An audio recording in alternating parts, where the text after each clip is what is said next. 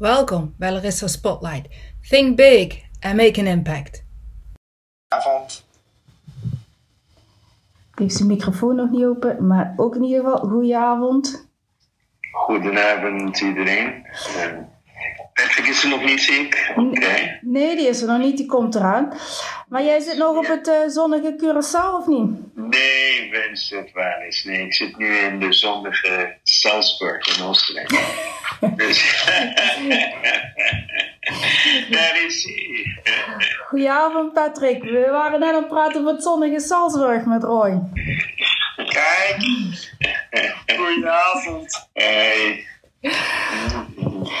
Nou, heren en uh, luisteraars, leuk dat jullie er uh, allemaal zijn. We gaan het vanavond hebben eigenlijk over twee dingen. Uh, de titel is Wat als liefde giftig blijkt te zijn. Maar we gaan het ook hebben over liefde maakt ziek. Ik denk dat die twee dingen namelijk met elkaar verbonden zijn. En eigenlijk, Patrick en Roy, wie van jullie wil van start met het onderwerp in te leiden? Ik laat het keer aan Roy. ik wil het net aan jou geven. Heel erg geweldig, heel erg geweldig. Dankjewel. Nou, dan gaan we starten. En, voor de mensen die me nog niet kennen. En mijn uh, grootste deel, de groot, grootste deel van mijn ervaring komt van holistische geneeskunde. Ik heb zo'n kleine 20, 25 jaar gewerkt als acupuncturist, homeopaat, holistisch arts enzovoort. Waarbij de nadruk ligt op nummer 1 het vinden van de, wat we noemen de causale verbanden, de oorzaken. En dan de mensen te leren, dus het gebruik maken van tools, zodat zij bijdragen aan de genezing. Dus in, in mijn praktijk was het niet zo dat ik de problemen oploste, maar juist de mensen hielp om zelf een probleem te leren oplossen. En wat we hebben ontdekt, is dus dat als we gaan kijken naar de diepste oorzaak van, van ziekte, en dan praat ik niet over een bacterie, een virus voeding, maar de diepste oorzaak is bijna altijd een emotioneel onopgelost conflict. En wanneer we gaan kijken naar die onopgelost conflicten, dan zien we er daarin met name, uh, noem het liefde, relaties, hoe wij in relaties staan met anderen, hoe wij dat interpreteren, of wij ons geliefd voelen of de moeite waard vinden om liefde te ervaren, dat dat dus een heel groot probleem creëert, waarbij de mensen vaak dingen gaan doen buiten hun comfortzone, zichzelf gaan opofferen, niet hun waarheid spreken, noem maar op. En deze emoties niet verwerkt worden, die hebben weer een invloed op wat wij noemen de meridianen, de energiebaan in het lichaam. En elke energiebaan heeft een affiniteit met andere emoties. Dus wanneer we ons te veel bezorgd maken en niet onze mindset of attitude veranderen, slaat het bijvoorbeeld op de maagmeridiaan en de miltmeridiaan.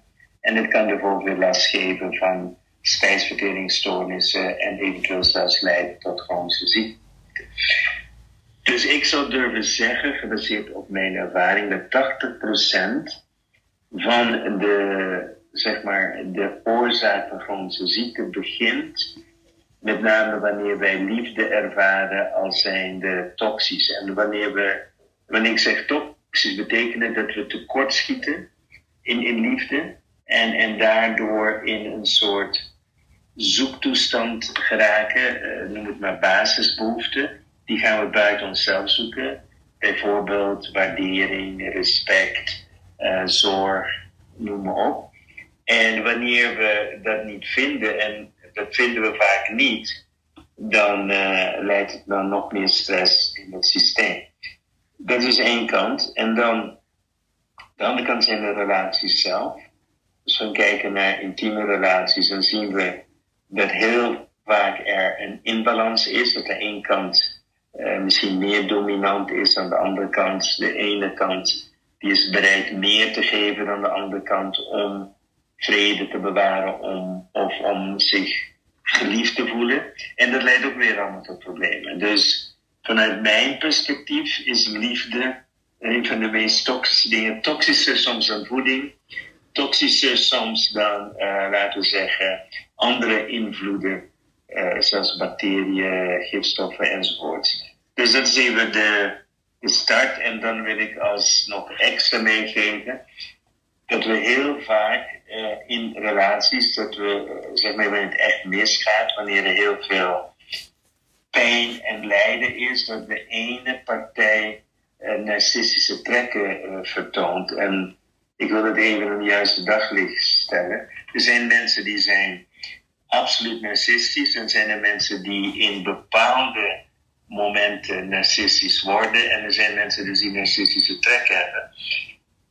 En ja, als je dat een paar keer hebt ervaren, dan uh, word je geconfronteerd soms met een volledige afbreuk van je eigen zelfbeeld, eigenwaarde, zelfvertrouwen en dat soort zaken. Nou, ik denk dat we nu de toon gezet hebben voor een leuke discussie. Dat denk ik ook. Uh, Patrick, wil jij hierop reageren? Ja, de, de, nou, Roy, je hebt de, de toon zeker gezet voor een goede discussie en uh, een mooi gesprek vanavond. um, daar zit eigenlijk al zoveel uh, om op aan te haken. Nou, laat ik een van de eerste opmerkingen die Roy maakte, uh, dat veel ziekte ontstaat door nou ja, je niet comfortabel voelen, uh, emotionele problematiek, et cetera. Als bioloog vind ik altijd heel grappig. Als je kijkt naar de medische wetenschap, lijkt het altijd alsof de hersenen geen onderdeel zijn uh, van een lichaam. Want alles wat in de hersenen gebeurt, dat benaderen we heel anders. In hele andere ziekenhuizen met heel andere specialisten als de rest van het lichaam. Dus als je problemen hebt in de darmen of als je problemen hebt ergens aan een van de organen, wordt dat heel anders genomen. Uh, uh, dan, dan de hersenen. En, en daar heeft Roy wel een, denk ik, een belangrijk punt. Maar corrigeer me als ik het fout interpreteer, Roy is er natuurlijk heel veel processen die in de hersenen plaatsvinden, die hebben uiteindelijk ook een uitwerking op uh, de fysieke conditie en de fysieke gesteldheid. En uh, als je dan hebt over liefde, dan denk ik dat dat absoluut wel iets is waar mensen uiteindelijk letterlijk ziek van worden. Uh, maar dat ook heel veel relaties letterlijk ook wel giftig zijn. En een van de opmerkingen die ik heel vaak hoor van singles die op zoek zijn, Um, dat is eigenlijk de, de, de opmerking: ik trek altijd de fouten aan. Of ik eindig altijd in relaties uh, uh, die, nou ja, soms wordt letterlijk het woord giftig uh, gebruikt. Dus heel veel mensen komen uiteindelijk in een situatie waarbij ze met name ook een aantal ervaringen opdoen dat relaties ehm, heel erg giftig en, en heel erg verstorend kunnen zijn. Dat is iets wat ik uh, regelmatig voorbij zie komen. Waarbij ik dan niet zozeer kijk naar de achterliggende ziektepatronen of wat kan het uiteindelijk opleveren. Ik constateer alleen dat heel veel mensen hier wel mee te maken hebben. En ehm, als je dan vervolgens erop in gaat zoomen van ja, maar wat gebeurt er dan nu uiteindelijk? Wat, wat maakt uiteindelijk dat heel veel mensen ook eindigen in zo'n relatie? Is dat eigenlijk in veel situaties iets heel bizars aan de hand is. En, Roy noemde net al één voorbeeld, dat is namelijk narcisten. Nou, laat ik daar dan meteen maar met op uh, inhaken. Is dat wat we vaak zien, is dat mensen met bepaalde persoonlijkheidskenmerken heel attractief en aantrekkelijk kunnen zijn in de eerste fase van de verleiding en de verliefdheid.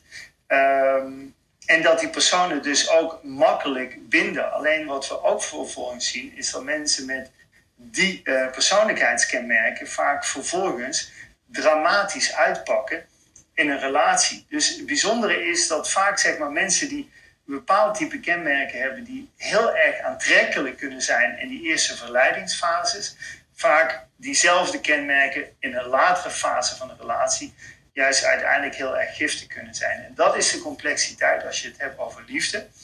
Um, en, en, en uiteindelijk wat, wat gebeurt er in zo'n relatie en hoe kijken we tegen nou ja, desastreuze aan. En uh, de enige constatering die ik kan maken is dat ik heel veel mensen zie, spreek, tegenkom die uiteindelijk zo'n situatie gewoon hebben waarin ze nou ja, uiteindelijk eindigen in een relatie die ja, eigenlijk veel desastreuzer voor hun is dan dat het hun iets goeds oplevert. En ja, dat zal uiteindelijk ook absoluut tot ziekte leiden, omdat ik ben wel eens met wat Roy zegt, is van nou ja, wat er gebeurt in die emotie, wat er gebeurt in haar brein de beleving. Maar realiseer je ook dat het soms gaat over psychische mishandeling, soms over fysieke mishandeling. Uh, uh, in zo'n relatie kan het uiteindelijk over pesterijen gaan, die uiteindelijk ertoe leiden dat iemand volledig zijn eigen zelfbeeld afbreekt, maar uiteindelijk daar ook fysieke, ja, lichamelijke klachten aan gaat overhouden. Ja, liefde klinkt altijd heel mooi, uh, maar helaas kan liefde ook eindigen in iets wat uh, heel erg vervelend is en letterlijk ziekmakend is.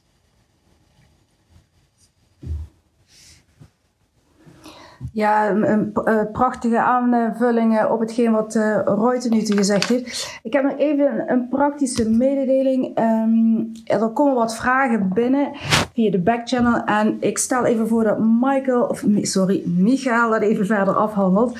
Dan kan ik me bezighouden met de samenvattingen. Uh, Michael, is dat prima voor jou? Ja. ja. Helemaal top. Vragen uit het publiek? Ja. Komt narcisme voort uit een overlevingsmechanisme? Wie of wie? Ja, ik kan daar wel iets over zeggen. Ik, ben enorm geïnteresseerd in, in, in dat onderwerp, omdat uh, uh, het een thema is wat we heel vaak voorbij zien komen en horen komen in relaties en waar relaties ook stuk op lopen. Um, narcisme is niet een aangeboren boerenpersoonlijkheidsstoornis. persoonlijkheidsstoornis. Dus laten we dat even al uh, uh, uh, van tevoren definiëren. Het is niet iets wat in je genen zit. Dus het gebeurt ergens later in je leven dat je narcisme ontwikkelt. het tweede wat wel belangrijk is bij narcisme op te merken, en, ehm, dat is dat narcisme is een stoornis die gradueel is. Dat betekent dat sommige persoonlijkheidsaandoeningen of persoonlijkheidsstoringen daarvan kun je zeggen die heb je of die heb je niet. En dat is heel zwart-wit, is ergens een hele duidelijke lijn. Bij narcisme is dat een, een, ja, eigenlijk veel meer gradueler dan. Ja, je kunt licht narcistisch zijn, je kunt zwaar narcistisch zijn. Uiteindelijk zie je dat heel veel mensen kenmerken van narcisme in zich hebben.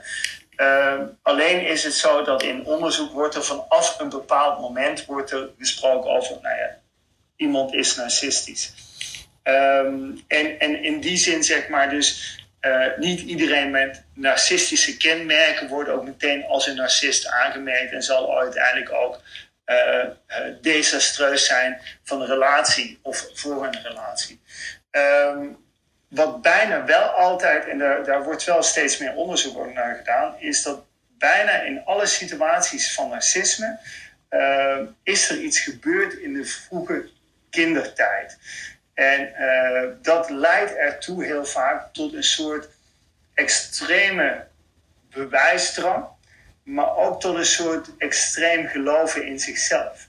En uh, het is bijna altijd dat zeg maar in de onthechting of in de hechtingsperiode, dus als kinderen in een bepaalde overgangsfase van hun leven zitten, dat daar iets fout gaat en dus bijna altijd in de ouder-kindrelatie iets fout gaat dat, dat is wat in de wetenschap op dit moment meestal wordt uitgegaan van ja, narcisme is vooral op die fase van het leven uh, nou ja, iets wat, wat, ja, waar het fout gaat. Bijvoorbeeld uh, jongens die uh, een vaderfiguur hebben die eigenlijk of ontbreekt, of een vaderfiguur die eigenlijk vindt dat ze nooit goed doen of dat ze niet voldoen aan de eisen van de vader, waardoor de jongens een soort mechanisme gaan ontwikkelen om op een soort extreme manier die vader te compenseren of op een extreme manier te gaan, uh, nou ja, te gaan demonstreren dat ze er echt wel toe doen.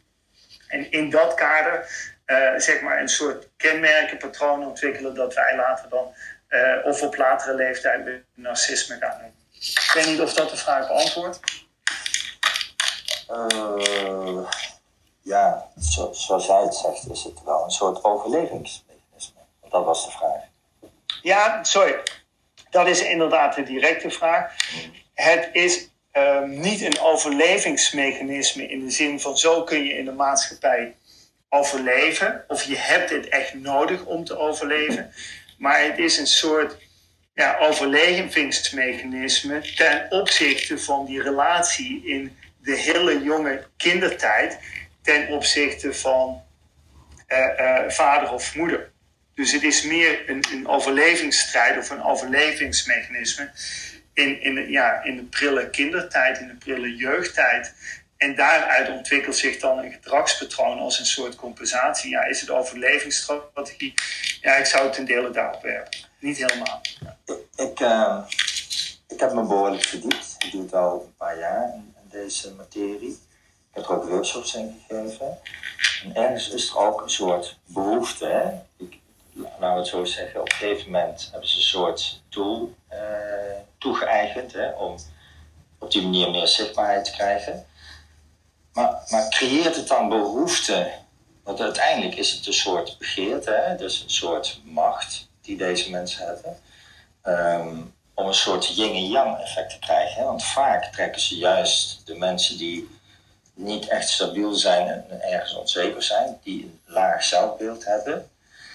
Uh, maar het zijn wel mensen die heel goed in de maatschappij doen, die heel geliefd zijn en uh, waardoor wel een soort toegankelijkheid gecreëerd wordt. Want vaak gebruiken ze die mensen weer om de toenadering, om geliefd te zijn bij al die andere mensen zoals zij het eigenlijk niet kunnen.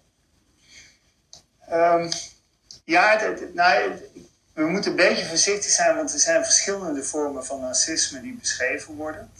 Uh, dus voorzichtig zijn dat we ze allemaal, uh, uh, een beetje afhankelijk van waar je in de literatuur kijkt, worden er vier of meer verschillende vormen van narcisme beschreven. En voorkomen dat we ze op één hoop gooien. In relaties zien we uiteindelijk dat de meest succesvolle relaties tussen, met narcisme zijn meestal met mensen die ehm, vaak eigenlijk nou ja, op het randje zitten van het destructieve. Ehm, en dat is niet altijd met een laag zelfbeeld, uh, maar wel vaak mensen die een, bepaald gedragspatroon hebben waarin ze heel erg zoeken naar de erkenning die de narcist hun geeft. Uh, maar de narcist voelt zich vaak in zo'n relatie vaak heel erg erkend door degene zeg maar, die, die dan de erkenning zoekt. En de narcist die krijgt eigenlijk een soort afhankelijkheidspositie. En we zien eigenlijk dat in succesvolle relaties tussen narcisten. Uh, en nu moet niet iedereen die toevallig denkt: ik heb een narcist thuis zitten en we zitten toch al een paar jaar bij elkaar. Maar uit de statistiek blijkt dat narcisten heel vaak een relatief langdurige relatie opbouwen met borderliners. En waarom is die combinatie zo'n bijzondere combinatie? Omdat uh, er een soort afhankelijkheidspositie van beide is. Een narcist heeft uiteindelijk erkenning nodig. En narcist wil uiteindelijk bevestigd worden in de zin van: ja, ik ben extreem goed, ik doe het heel erg goed. Uh, wil eigenlijk een beetje boven de groep staan en wil vooral in datgene wat hij doet heel erg erkend worden. En dat geeft die borderliner. Maar de borderliner heeft uiteindelijk die autoriteit nodig en, en, en zoekt vaak de erkenning uh, uh, die de, de narcist geeft. narcisten kunnen ontzettend plezierige mensen zijn. ze weten heel goed uiteindelijk mensen aan zich te binden. Het enige nadeel is dat narcisten uh, uh, niks om een relatie geven. Het belangrijkste kenmerk van een narcist is, is dat hij heel erg goed is in het opgeven van relaties. Um, en, en dat is een, een type relatie, een type verbinding, die in de literatuur heel vaak wordt beschreven. Ja, dat, dat is een relatie van aantrekken, afstoten, die tussen een narcist en een borderliner heel erg goed werkt. Um, daar moet je dus wel mee oppassen om nu iedereen op die twee hopen te gaan gooien. En zeggen, nou, als je die twee maar bij elkaar gooit, dan hebben we een succesvolle relatie. Dat, dat, daarvoor is het iets te complex. Maar het, het, het pleasen, het, het, uh, uh, het kunnen verleiden beheerst een narcist vaak heel erg goed. Alleen een nadeel is, is dat hij zichzelf, of zij zichzelf, en er zijn ook narcistische vrouwen, zij zichzelf zo centraal zet en zo gelooft in zichzelf, dat men ook heel erg snel bereid is om een relatie weer op te geven en aan de kant te schuiven, maar ook een relatie te misbruiken. Dat is waar het uiteindelijk vaak fout gaat. Ja, dankjewel. Uh, laten we ook niet de ouders vergeten. Hè? Ouders kunnen ook uh, behoorlijk narcistisch Ja, ja, dat is ook een enorm belangrijke groep. Daar heb je een goed punt. Ja. Wil jij nog inhaken, Roy? nee, op het moment niet. Ik, ehm, ben uh, in principe heel goed eens. En zeker dus dat uh, we niet alles op zeg maar één hoop kunnen gooien. En wanneer we, ik, hoorde net uh, over dat borderlines goede paring zijn voor narcisten. wat ik heb, heel vaak heb gezien is dat, zeg maar, vooral bijvoorbeeld jonge vrouwen die nog erg op zoek zijn naar zichzelf, vaak nog in de knoop zitten met een eigen identiteit en eigen waarde. En die dus veel makkelijker de narcisten aantrekken, juist omdat die, als geeft, heel goed zijn in het geven de erkenning en het opbouwen van jou, in, vooral in de verleidingsfase. En wanneer je eenmaal zeg maar in de machtsgreep bent van diegene, dat zij dan andere manipulatietechnieken gaan uh, toepassen die zo'n persoon juist verder afbreken in plaats van op te bouwen. En dat is dus waar, heel vaak de ellende begint. Dat deze jonge vrouwen dan zeg maar, zich afsluiten en heel vaak dus uh, zeg maar, heel erg bedeesd zijn in het zoeken naar relatie. En uh, dat zei Patrick ook van ja, ik trek meestal de verkeerde aan. Dus daar zit ook een hele interessante fenomeen waarom dat gebeurt. Waarom trekken heel veel jonge eh, vrouwen de verkeerde aan? En dat heeft uh, te maken met dus het niet zichzelf zien als volwaardig en volledig. En daardoor juist sneller slachtoffer worden van iemand die mooi praat en dan gewoon uh, zeg maar de juiste dingen zegt. En dat is gewoon heel ja, makkelijk uh, prooi, zeg maar, voor narcisten. Dan, dat is wel een interessant om op naar te kijken. Uh, vanuit het publiek heb ik een opmerking gekregen. Het ging over gaslighting. is een vorm die vaak voorkomt. Het gaat heel subtiel. Ook bindingsangst en verlatingsangst dynamiek kan heel giftig zijn. Willen jullie daar iets over zeggen? Nou, ik heb meteen een vraag. Wat is gaslighting? Ik wil denk als je in die materie verdiept hebt, dan, dan, zegt die term je Maar mij zegt hij dus niks. Dus vandaar dat ik even vraag, wat is precies gaslighting? Misschien dat jullie, een van de drie, het weet. En anders uh, verzoek ik die ja, persoon... Nee, ik, ja, ik, ik kan het wel toelichten. Het is eigenlijk iets... Uh, gaslighting is eigenlijk wat je letterlijk fysiek erbij moet voorstellen is dat op het moment als je een lucifer bij een wolk gas houdt, dat het zegt.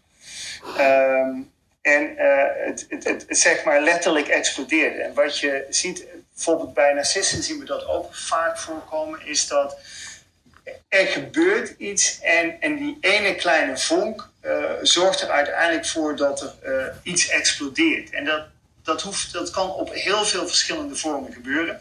dat kan zijn dat iemand uh, agressief wordt. Het uh, uh, kan zijn dat iemand in volledige paniek raakt. Maar in ieder geval, het is letterlijk, zeg maar, gaslighting is... je zet letterlijk even een klein vonkje, wat eigenlijk niks hoeft voor te stellen... zorgt voor een escalatie van gebeurtenissen. En dat gaat heel snel en het gaat vaak heel extreem. maar het kan ook zelfs weg zijn. En dat, dat is eigenlijk ja, wat men met gaslighting uh, bedoelt.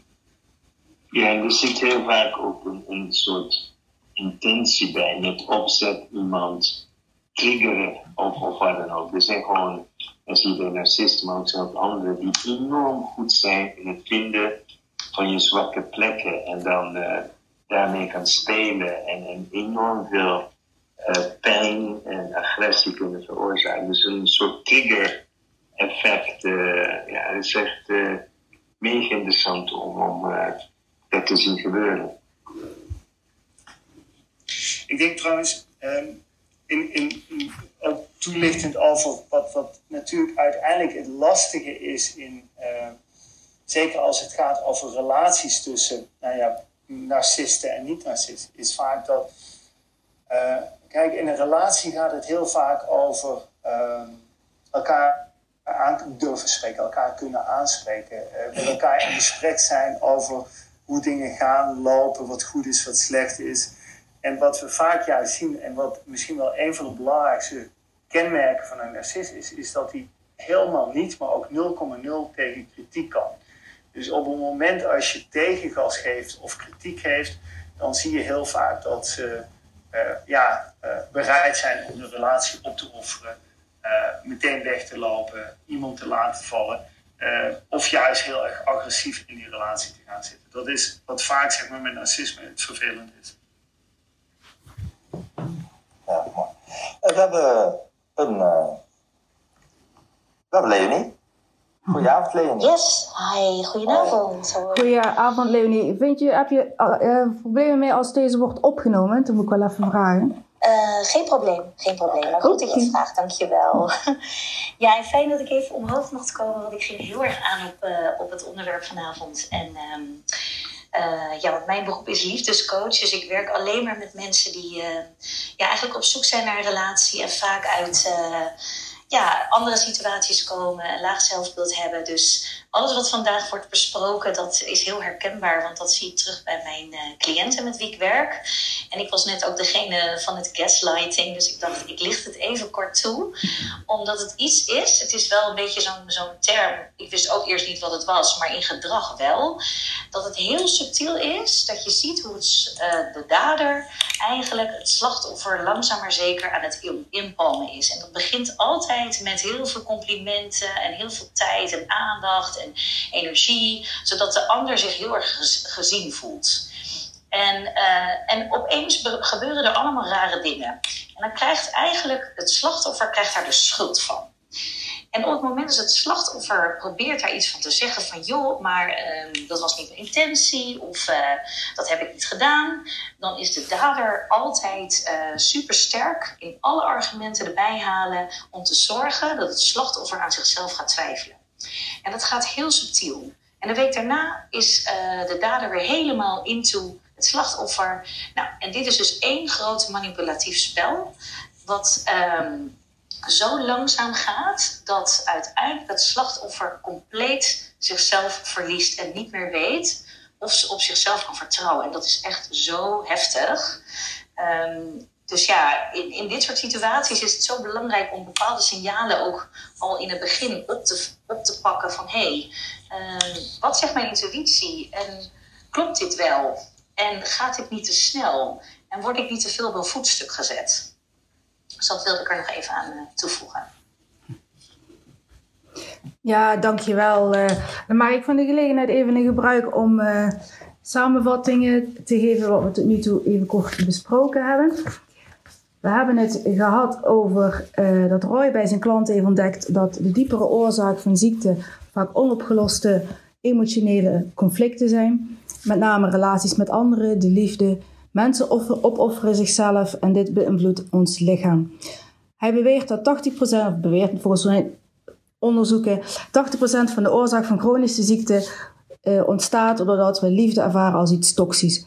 En liefde is volgens hem soms toxischer dan voeding en gifstoffen. Dan voeding en gifstoffen. Excuus.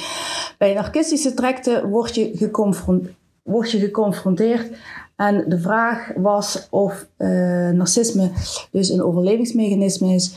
En er wordt uitgelegd, narcisme is geen aangeboren persoonlijkheidsstoornis, je ontwikkelt het later in je leven. Narcisme is niet iets zwart of wit. Het wordt van een bepaald moment in je uh, op jongere leeftijd ontwikkeld. En niet elke vorm is zeg maar een extreme vorm. Er is een situatie, uh, um, in elke situatie als er iets gebeurt in de kindertijd bijvoorbeeld, kan leiden tot extreem bewijsdrang of extreem geloof in jezelf. Er is een fout in de hechtingsband tussen de kind- en ouderrelaties. Mensen kunnen letterlijk dus ziek worden van liefde. En een opmerking die Patrick vaak hoort van singles: ik trek altijd de foute man of vrouw aan. Dus relaties kunnen erg giftig zijn. Narcisten kunnen heel aantrekkelijk zijn in de eerste fase van verliefdheid en uh, makkelijk verbindingen maken met anderen, maar dat pakt dan heel erg dramatisch uit. Dus dezelfde kenmerken die in het begin heel aantrekkelijk zijn, worden dus later erg giftig. Uh, narcisten gebruiken een relatie om zelf geliefd te zijn. En de meest succesvolle narcistische relatie is gebaseerd op, eigenlijk op destructie. Want ze zoeken erkenning binnen hun relaties. En uh, er wordt voorzichtig gezegd, maar pin ons er niet op vast. Narcisme bouwen langdurige relaties met borderliners. Narcisme kunnen heel plezierige relaties hebben, maar geven het heel gemakkelijk op. Het is vaak een relatie van trekken en afstoten. En Roy vult nog aan dat met name jonge vrouwen die nog in de knoop zitten met zichzelf, trekken vaak narcisten aan. Omdat ze zichzelf, zichzelf niet volledig zien als volwaardig. En er wordt nog even kort uitgelegd wat gaslighting is. Nou, een klein vonkje dat zorgt voor grotere escalatie. Het komt en het gaat heel snel. En sommigen zijn heel goed in het vinden van de triggers. En Leonie legt heel mooi uit dat de dader er super sterk in is om ervoor te zorgen dat de slachtoffer aan zichzelf gaat twijfelen. Het slachtoffer kan niet meer op zichzelf vertrouwen. En dit is een proces wat heel manipulatief is, maar vooral ook heel subtiel gebeurt. Mooie samenvatting, Larissa. Dank je ja. ja.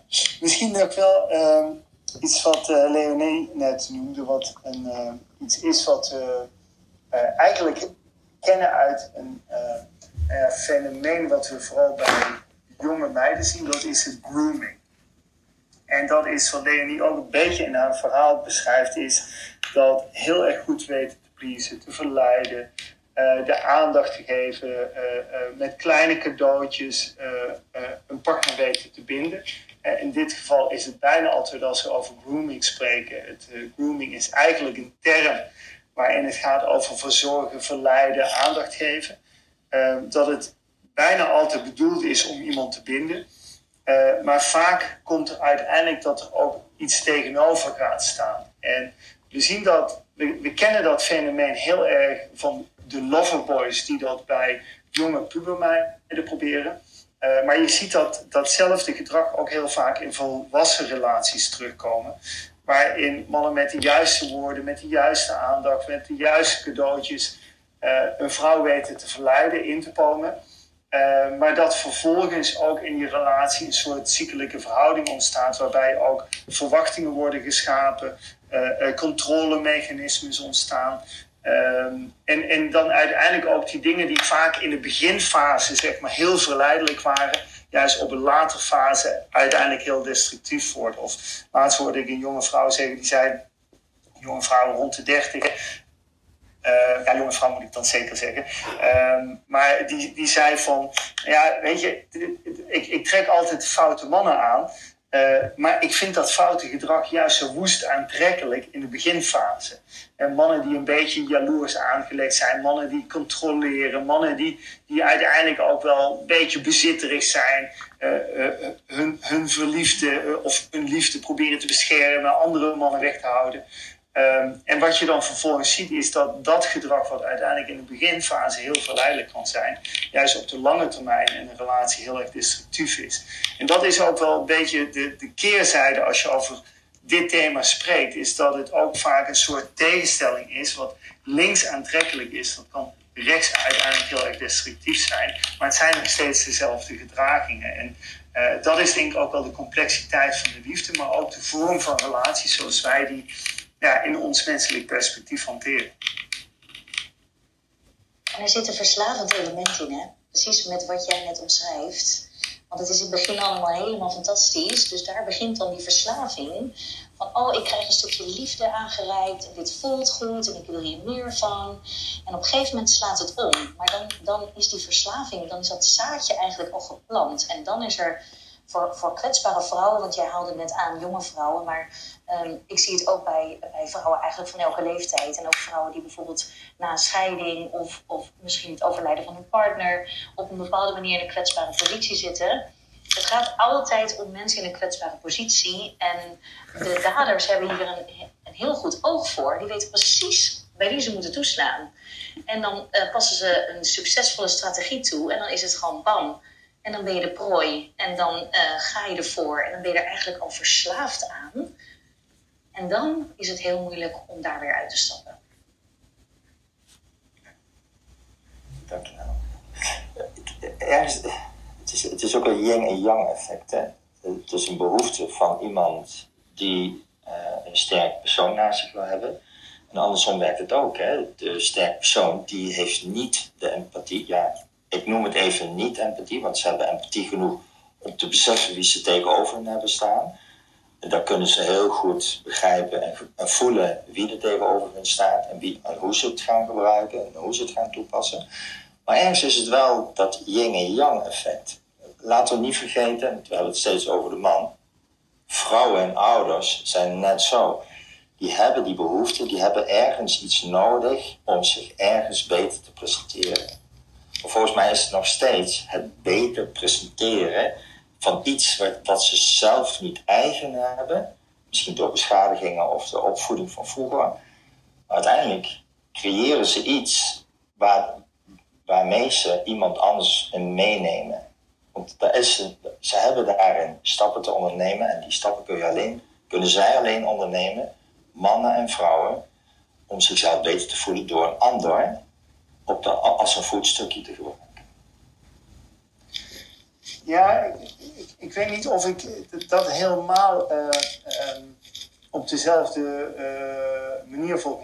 Het is.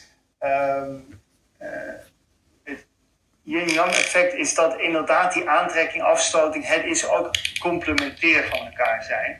Um, en een paar dingen die, die we uiteindelijk zien gebeuren, is dat enerzijds is het zo dat in veel relaties wordt heel vaak een soort patroon gezien wat zich herhaalt. Dus iemand trekt continu hetzelfde type man aan of trekt hetzelfde type relatie aan. Ik denk dat het beter is hetzelfde type relatie. En um, een van de dingen die we daar vaak in terug zien komen, is dat mensen ook een soort geleerd, aangeleerd uh, patroon hebben ontwikkeld hoe het gaat verlopen. Dus uh, um, als je een vrouw vraagt of een man uh, welk type partner ze zoeken, dan zul je bijna altijd hetzelfde verhaal terug horen komen. En ondanks dat iemand zegt van nou, ik wil eigenlijk niet meer dat type partner hebben, uh, want daar heb ik negatieve ervaringen, dan schrijven ze vervolgens toch op dat ze het type partner willen hebben wat ze eigenlijk niet willen hebben. En de reden daarvan is, is eigenlijk een hele basale. Dat is het patroon dat je kent. Dat is het patroon uh, waar jouw brein op aanslaat. Dat zijn de signalen waar je brein op aanslaat. En wat vaak dan zeg maar een, een manier is om daarvan af te wijken of doorheen te komen, is mensen ook uiteindelijk mee te nemen en te laten ervaren dat het ook kan gebeuren, die liefde en die relatieontwikkeling, door in een totaal ander type relatie terecht te komen, in een totaal ander type partner.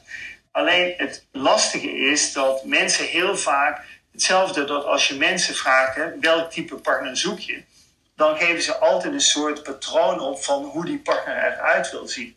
Terwijl uiteindelijk kunnen ze ook verliefd worden op een partner die niet voldoet aan die eisen die ze in hun brein hebben. En dat maakt het vaak zeg maar lastig.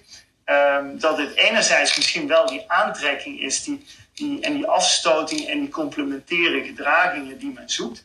Maar uiteindelijk blijkt het ook heel vaak zo te zijn dat nou ja, je kunt mensen ook met een verschillende mix aan karaktereigenschappen en anders dan dat ze op een wensenlijstje hadden opgeschreven bij elkaar zitten.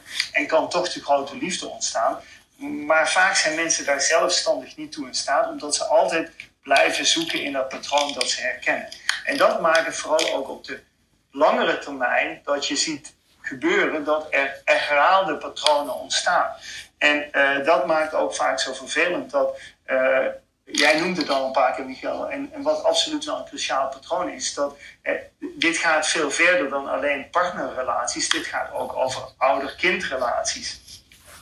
Waar je hetzelfde gedrag in ziet voorbij komen.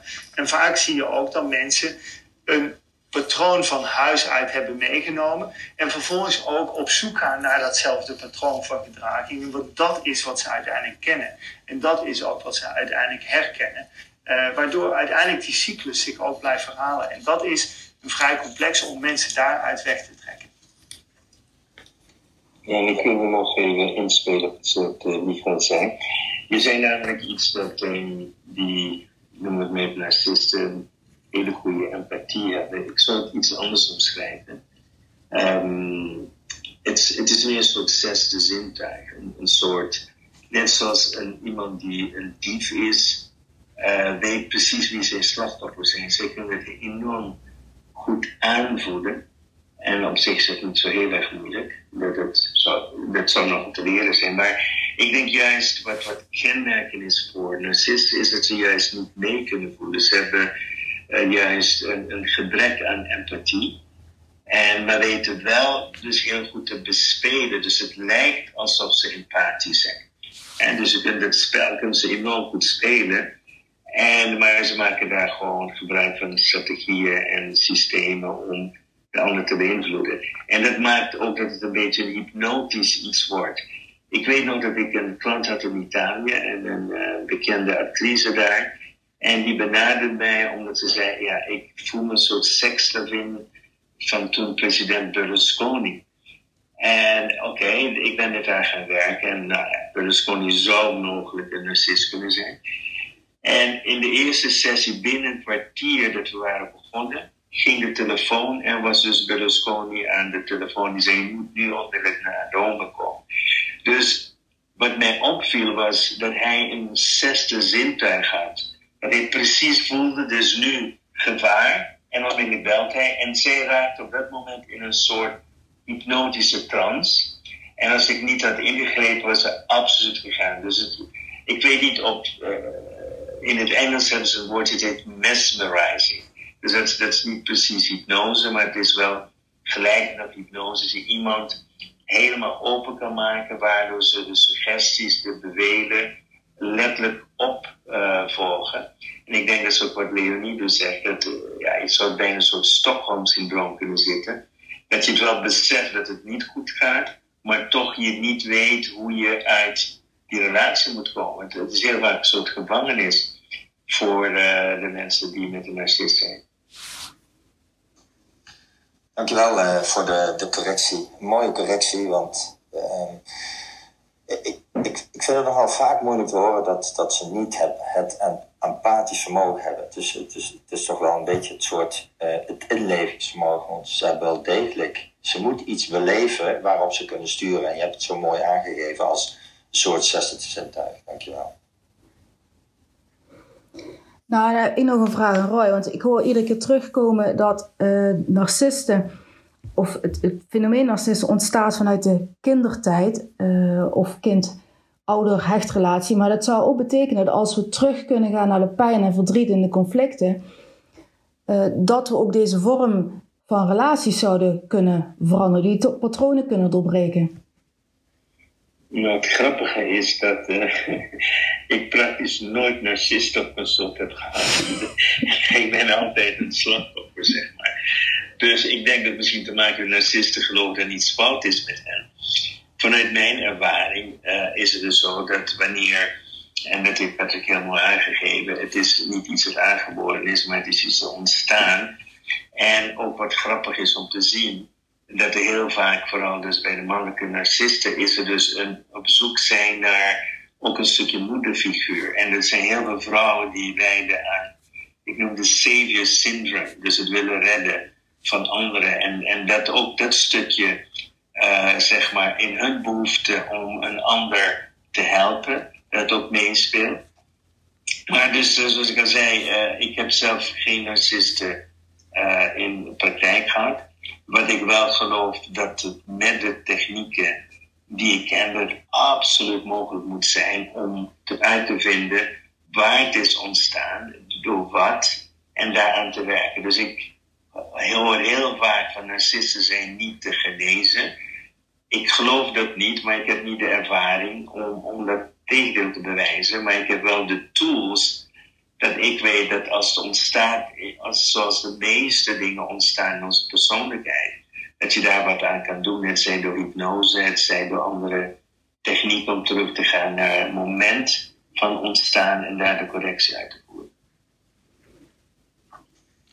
Dit is wel grappig hoor. Je geeft inderdaad een uh, kenmerk aan van uh, narcisme.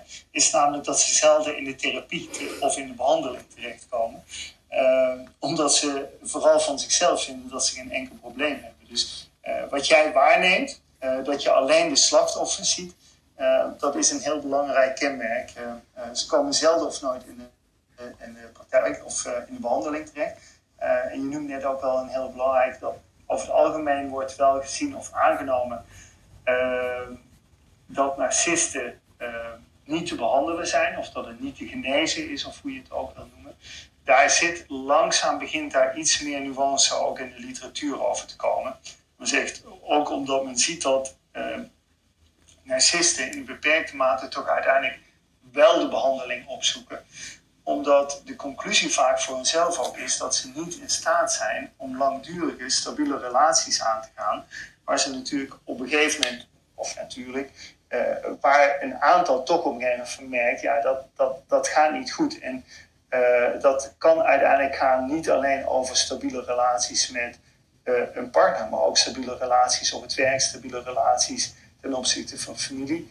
Dus uiteindelijk stapelt het zich op en gaan ze er zelf problematiek aan ontwikkelen. Alleen dat is maar een heel beperkt percentage, wat op dit moment bekend is, dat ook werkelijk daarvan zegt behandeling voor nou ja, te zoeken. Want het andere kenmerk van heel veel narcisten is dat ze juist extreem succesvol zijn. Ze zijn enorm gedreven, ze werken keihard, ze kennen geen 40-uurs mentaliteit. En dat is ook waar ze vaak op het werk afstand nemen van andere mensen. Omdat ze veel gedreven en veel harder werken. en ook met niks genoegen nemen, waardoor ze ook uiteindelijk andere mensen op het werk gaan afstoten, omdat ze nooit tevreden zijn. Uh, maar dat verklaart wel ook weer aan de andere kant soms het, succes dat ze ook maatschappelijk kunnen hebben. Ja, maar daar wilde, daar wilde ik net op inhaken. Dat het vaak hele succesvolle mensen zijn. Ja, dit, is ook als je in, in, in, in de literatuur kijkt, of, uh, nou Roy durft dit net niet zo heel hard te zeggen, of een beetje voorzichtig drukt Roy zich uit, maar volgens mij wordt Berlusconi zeker in de literatuur vaak aangehaald als een van de, van de voorbeelden.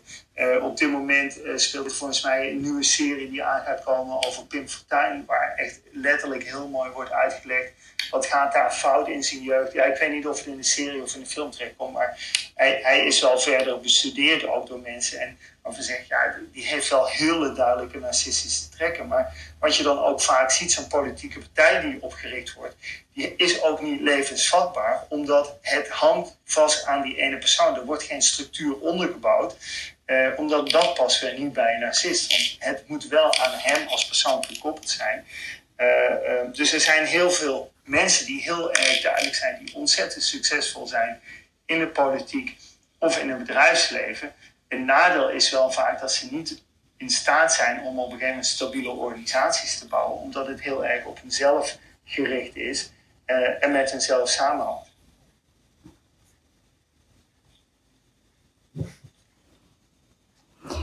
Ja, dat is een hele, hele mooie aanvulling. Maar uh, hoe zit het dan in relaties? Nog in je werk heb je natuurlijk met relaties te maken. Je zei net al iets over um, dat ze mensen afstoten. Um, is, is daar nog iets meer, uh, meer informatie over te vertellen? Nou, wat, uh, ik zeg er misschien een beetje fout over afstoten. Um, wat, ze, wat, wat een kenmerk van een narcist heel vaak is, is dat ze niet heel erg uh, goed kunnen omgaan met kritische kanttekeningen of mensen die tegengas geven. Dus ze zoeken heel vaak mensen die of enerzijds uh, uh, met ze meelopen, ja-knikkers, mensen die ze aanbidden of die, die, die de narcist aanbidden, dus daar heel erg sterk en goed in zijn. Of wat ze zoeken is dat ze mensen bij zich zoeken die uiteindelijk iets hebben, een kenmerk hebben, dat complementair is. Dus wat ze zelf niet kunnen of uh, niet willen doen. En dat zijn zeg maar de, de twee typen persoonlijkheden waar ze op het werk ontzettend goed uh, mee om kunnen gaan.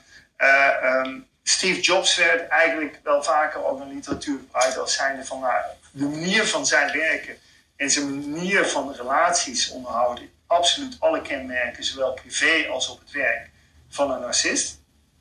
Alleen wat hij wel heel goed deed, was dat hij ook perfect snapte dat hij niet goed was in een aantal dingen op het werk.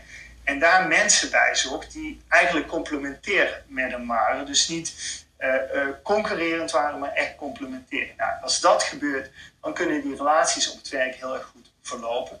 Het enige nadeel is, is dat ze gewoon ontzettend slecht tegen kritiek kunnen. Dus iedereen die ook maar in hun vaarwater komt, ja, die wordt ontzettend snel aan de kant gezet. Die wordt ontzettend snel uh, weggeschoven. En dat gaat soms op een vriendelijke manier, maar meestal gaat dat net zoals in een liefdesrelatie manier op een zeer vervelende uh, wijze. En dan krijg je dus de situatie dat ja, relaties zijn voor een narcist niet ontzettend belangrijk. Dus mensen zijn goed inwisselbaar. Zolang mensen passen in het profiel en het doel wat je hebt, dan zijn mensen belangrijk voor je. Dan ben je ook bereid om andere mensen op een soort voetstuk te plaatsen.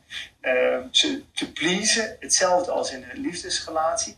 Maar op het moment dat mensen niet meer aanvullend zijn of niet meer ten dienste van jouw grotere doel zijn, of zelfs kritisch worden, dan worden ze ook heel snel aan de kant geschoven. En het andere is ook eens dat een narcist ehm, ja, eigenlijk geen genoegen neemt met, uh, met minder dan de allergrootste inzet die je kunt leveren. Een narcist wordt gekenmerkt door iemand die, die geeft alles op het werk, uh, die gaat alle grenzen over. die werkt bij wijze van spreken 24 uur per dag. maar op het moment dat andere mensen niet datzelfde patroon volgen, ja, dan zijn ze ook heel snel geneigd om mensen te laten vallen en aan de kant te schuiven. En ja, dat is het lastige in het werken en in de werkrelatie, zolang dat clubje eromheen past en klopt. Dus mensen die hetzelfde commitment hebben, mensen die complementair zijn en niet concurrerend zijn, en mensen die ook heel voorzichtig zijn met de kritiek uh, op de narcist, dan gaat dat uiteindelijk goed. Maar op het moment als er mensen zijn die niet voldoen aan die criteria, ja, dan kan zo'n relatie ook heel snel uh, ten einde gaan. En, en het vervelende is dat het dan vaak niet zozeer is van nou, iemand wordt even voorzichtig aan de kant geschoven. Nee, heel vaak gaat dat met dezelfde agressie of met dezelfde uh, manier. Leonie noemde het zo straks manipulatief maar eigenlijk op een soort manu vergelijkbare manipulatieve wijze um, als dat uh, gebeurt in een relatie. Je zag het bij heel kleine. Ja, en, Patrick, uh, ik denk dat uh, met name de ex-president Trump dit heel mooi liet zien. In een slechte kritiek kunnen mensen gelijk afmaken, vraag nemen. En dat deed hij dus in het groots en, en voor de hele wereld om te laten zien. Dus dat zijn wel typische dingen die daar zich in hebben uitgespeeld.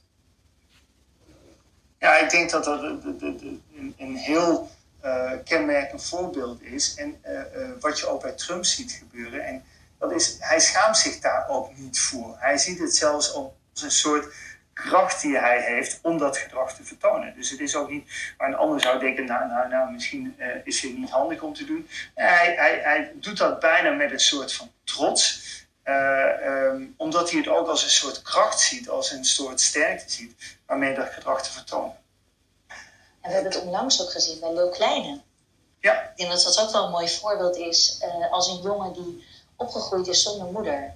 En uh, zichzelf naar boven heeft gewerkt om zijn droom waar te maken. Alles op alles heeft gezet, dat ook heeft gekregen. Maar eigenlijk nooit heeft geleerd hoe hij een gezonde relatie met vrouwen moet opbouwen. Niet weet om te gaan met zijn succes. Zichzelf op een ja, egocentrische wijze eigenlijk altijd als een soort god neerzet. Van mij kan niks gebeuren. En, uh, en dat is precies nu ook wat je ziet, hè, van wat jij net aanhaalt, Patrick, van als het dan niet goed gaat. Uh, want hij heeft ook wel uh, ja, dingen toegeëigend. ik zag laatst een fragment dat hij naar een concert moest, had hij geen papieren of zoiets. En toen zei die man van de bewaking van ja, u heeft die papieren nodig. En hij zegt van ja, weet je niet wie ik ben? En die man zegt, nou, dat, dat maakt me niet uit. U heeft gewoon papieren nodig om hier parkeerterrein op te komen. Nou, en hij werd zo ontzettend intens boos dat, dat die man niet wist wie die was. En je ziet hem gewoon exploderen. En ja, dat gedrag van, um, hè, ik, ik mezelf als een soort god in deze wereld. En iedereen moet mij als zodanig behandelen. En ik heb mijn hele possie om me heen, uh, die mij wel zo behandelt. En dan ben ik op mijn best. Ja, weet je, dat, die hele houding, dat zie, je bij hem gewoon heel erg. En nu is hij natuurlijk door de mand gevallen door zijn, door zijn eigen gedrag eigenlijk. En ook hoe hij zijn vrouw heeft behandeld, wat natuurlijk absoluut niet door de beugel kan. En nu wordt het een heel klein ja, mannetje die uh, ja, nu moet gaan leren, hoop ik, dat dit dus niet door de beugel kan. En uh, nu is hij van zijn voetstuk gevallen. En dat is denk ik voor iemand die altijd in een droomwereld heeft geleefd heel erg ingewikkeld. Oh, je, je, noemt wel iets heel grappigs. Dus ik vind dat grappig. uh, is iets waar uh, natuurlijk heel veel mensen zich niet van bewust waren, maar wat echt een hele nieuwe kracht is, die ook iets gaat doen in dit soort discussies. En dat is social media. en ehm, wat, wat heel vaak de situatie is met iemand die zo'n gedragspatroon, een gedragspersoonlijkheid of een persoonlijkheidsstoornis heeft, Ehm, die bouwt een wereld op. En op het moment als die wereld zegt: Nou ja, weet je, ik, ik moet jou niet meer of jij voldoet niet meer. Dan worden ze aan de kant geschoven. Maar dan zijn ze heel snel in staat om weer een nieuwe wereld om zich heen te bouwen. Waar ze die erkenning krijgen.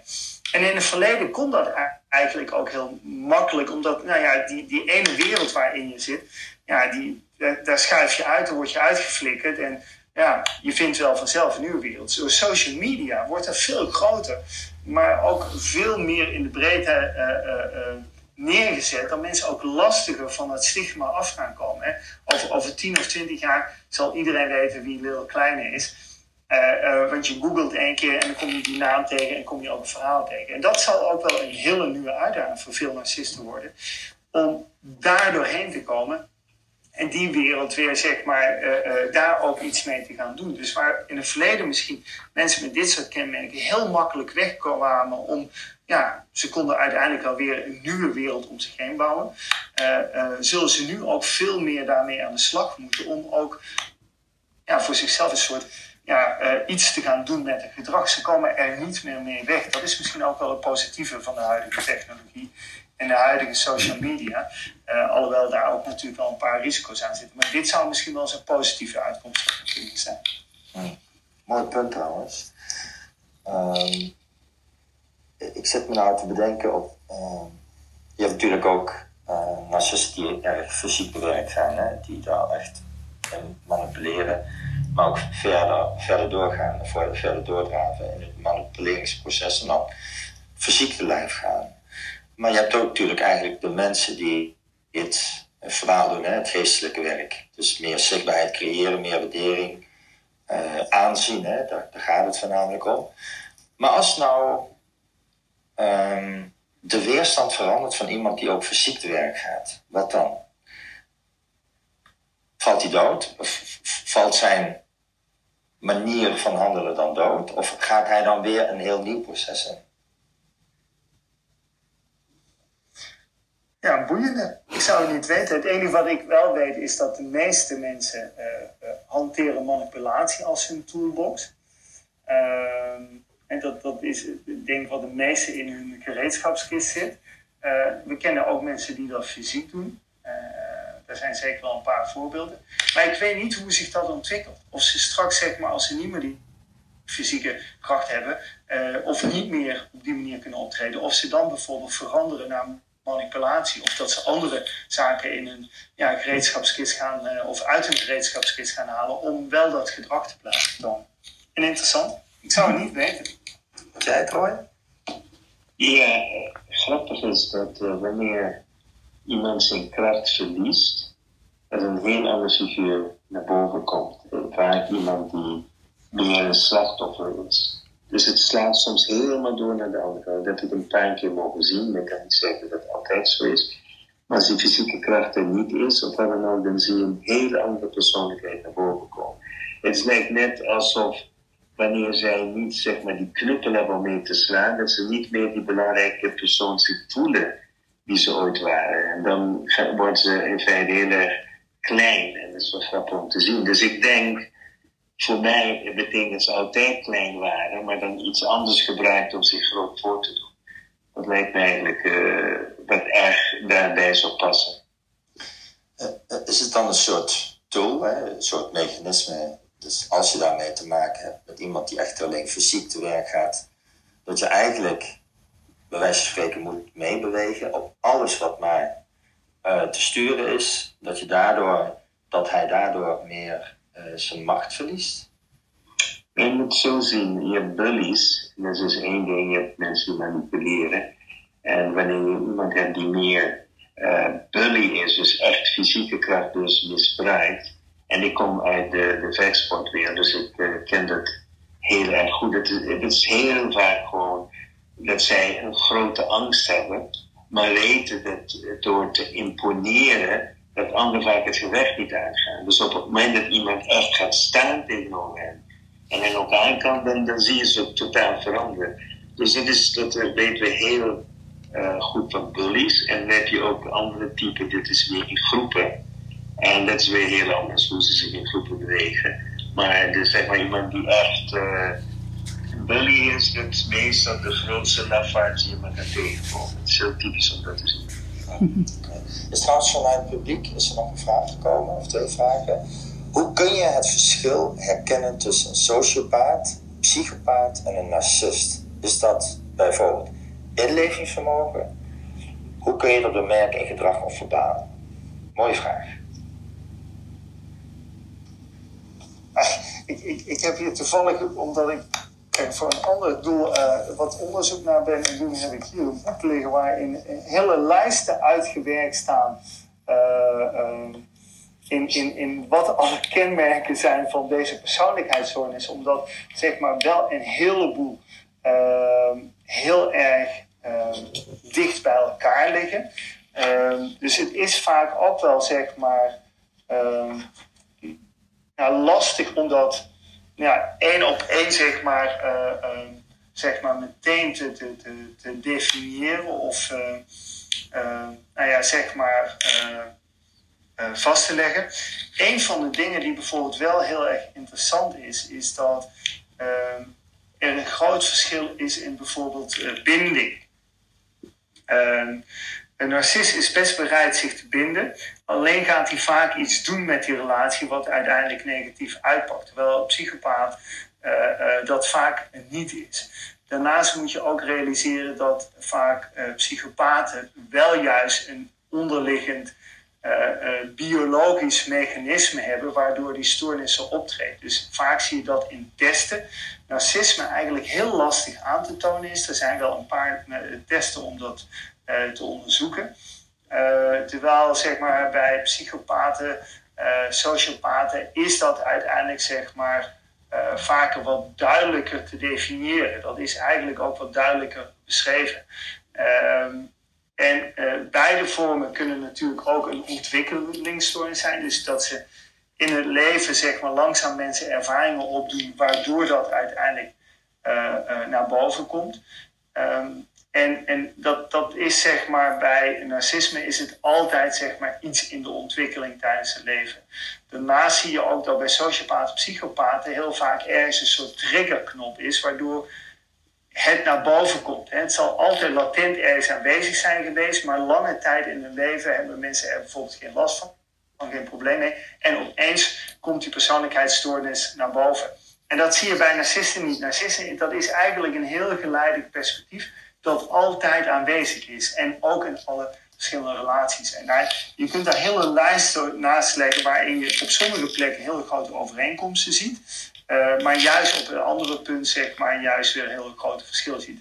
Het is net iets te veel om uh, dat één op één meteen te beantwoorden. Maar er zijn wel hele duidelijke lijsten waar dat uh, in beschreven wordt. Oké, okay, je. Wil jij nog iets toevoegen, Roy? Nee, want na de, de Patrick bleef ik doodsterven. oh, mooi. En mag je ook oneens zijn, hè? Nee, nee, nee, ik ben het met je eens. Dat is het erge. Nou, Michael, je had nog een laatste vraag en dan gaan we de room langzaam afsluiten. Wat was de laatste vraag? Nee, nee, dat, dat had met spiritualiteit te maken. Wat Patrick zegt. Toeval, toeval is er niet. Dat is spiritueel, hè. Dat is zo. Oké, uh, nou, mooie, mooie afsluiting uh, um, van dit geheel. Nou, ik wil iedereen bedanken voor luisteren, voor aanwezigheid. En Leonie, uh, heel erg bedankt voor jouw inspraak. We hebben het nog even kort gehad over grooming. goed weten te pleasen, het verleideren van, de, van partners weten te binden. Loverboys is een hele bekende vorm, maar we zien het ook in volwassenen relaties. Uh, en er is een verslavend aspect in deze constructies. We hebben het ook wel gehad over yin en yang effect. Het behoefte van iemand die een zwak persoon, die een sterk persoon nodig heeft. En die beter presteren door de ander als een soort voetstuk te gebruiken. Mensen zoeken bepaalde type partners waar het brein op, aanstaat, op aanslaat. Uh, deze liefde kan ook gebeuren als ze een ander type partner gaan zoeken. Maar dat vinden ze lastiger omdat het brein hier dus niet op aangaat. We hebben het nog heel even kort gehad dat uh, partnerrelaties ook wel ter terug te zien bij, als een oorzaak uh, ontstaan uit de ouder- en kindrelaties. Hebben ze gaan vaak op zoek naar relaties die ze kennen vanuit hun kindtijd en die patronen herhalen ze dan als volwassenen. Mannelijke narcisme zoeken vaak een moederfiguur. Vrouwen willen graag mensen helpen, oftewel het savior-syndroom. Er zou een mogelijkheid zijn om ze van narcisme te genezen als we deze conflicten uit hun, of hun pijnen uit hun kinderjeugd, kindertijd en jeugd zouden kunnen oplossen. Maar narcisten vinden van zichzelf dat ze niet geholpen hoeven te worden, want er is niks mis met ze, vinden ze zelf. We hebben nog even gehad dat narcisme heel erg succesvol zijn, enorm gedreven zijn, heel hard werken, geen 9 tot 5 mentaliteit hebben. Maar ze zijn heel erg op zichzelf gericht en kunnen niet goed met kritiek omgaan. Voor narcisten zijn mensen inwisselbaar, dus als het niet meer bij hun doel past of uh, als ze te veel kritiek krijgen, dan nemen ze afscheid. En als laatste opmerking werd nog gemaakt dat social media een belangrijke rol gaat spelen bij de bekendere Nederlander, Belg, uh, zeg maar narcisten. Want ze komen er niet meer zo makkelijk mee weg als uh, voorheen. Ze kunnen niet makkelijk een nieuwe wereld opbouwen zonder dat hun daden onbekend blijven. Nou, heren en Leonie, hartstikke bedankt voor jullie aanwezigheid. Voorlopig is dit de laatste van deze reeks. We gaan hem wel weer oppakken, maar dat zal ergens uh, eind april, begin mei worden. Uh, naar aanleiding van uh, dat we over tijd zijn gegaan, denk ik, er valt nog zoveel te vertellen over dit onderwerp en nog zoveel vragen uh, te beantwoorden. Maar ik vond het weer een hele mooie. Absoluut, was prachtig. En we gaan ook hiermee door op Instagram. Dus mocht je meer weten, dan volg op Instagram. En uh, dit is een mooi, heel mooi onderwerp. Heel veel leuke reacties ook. Ja, man. Dank, dank jullie wel allemaal. Ik uh, kijk er nu alweer voor, naar uit om in april of mei verder met elkaar in gesprek te gaan.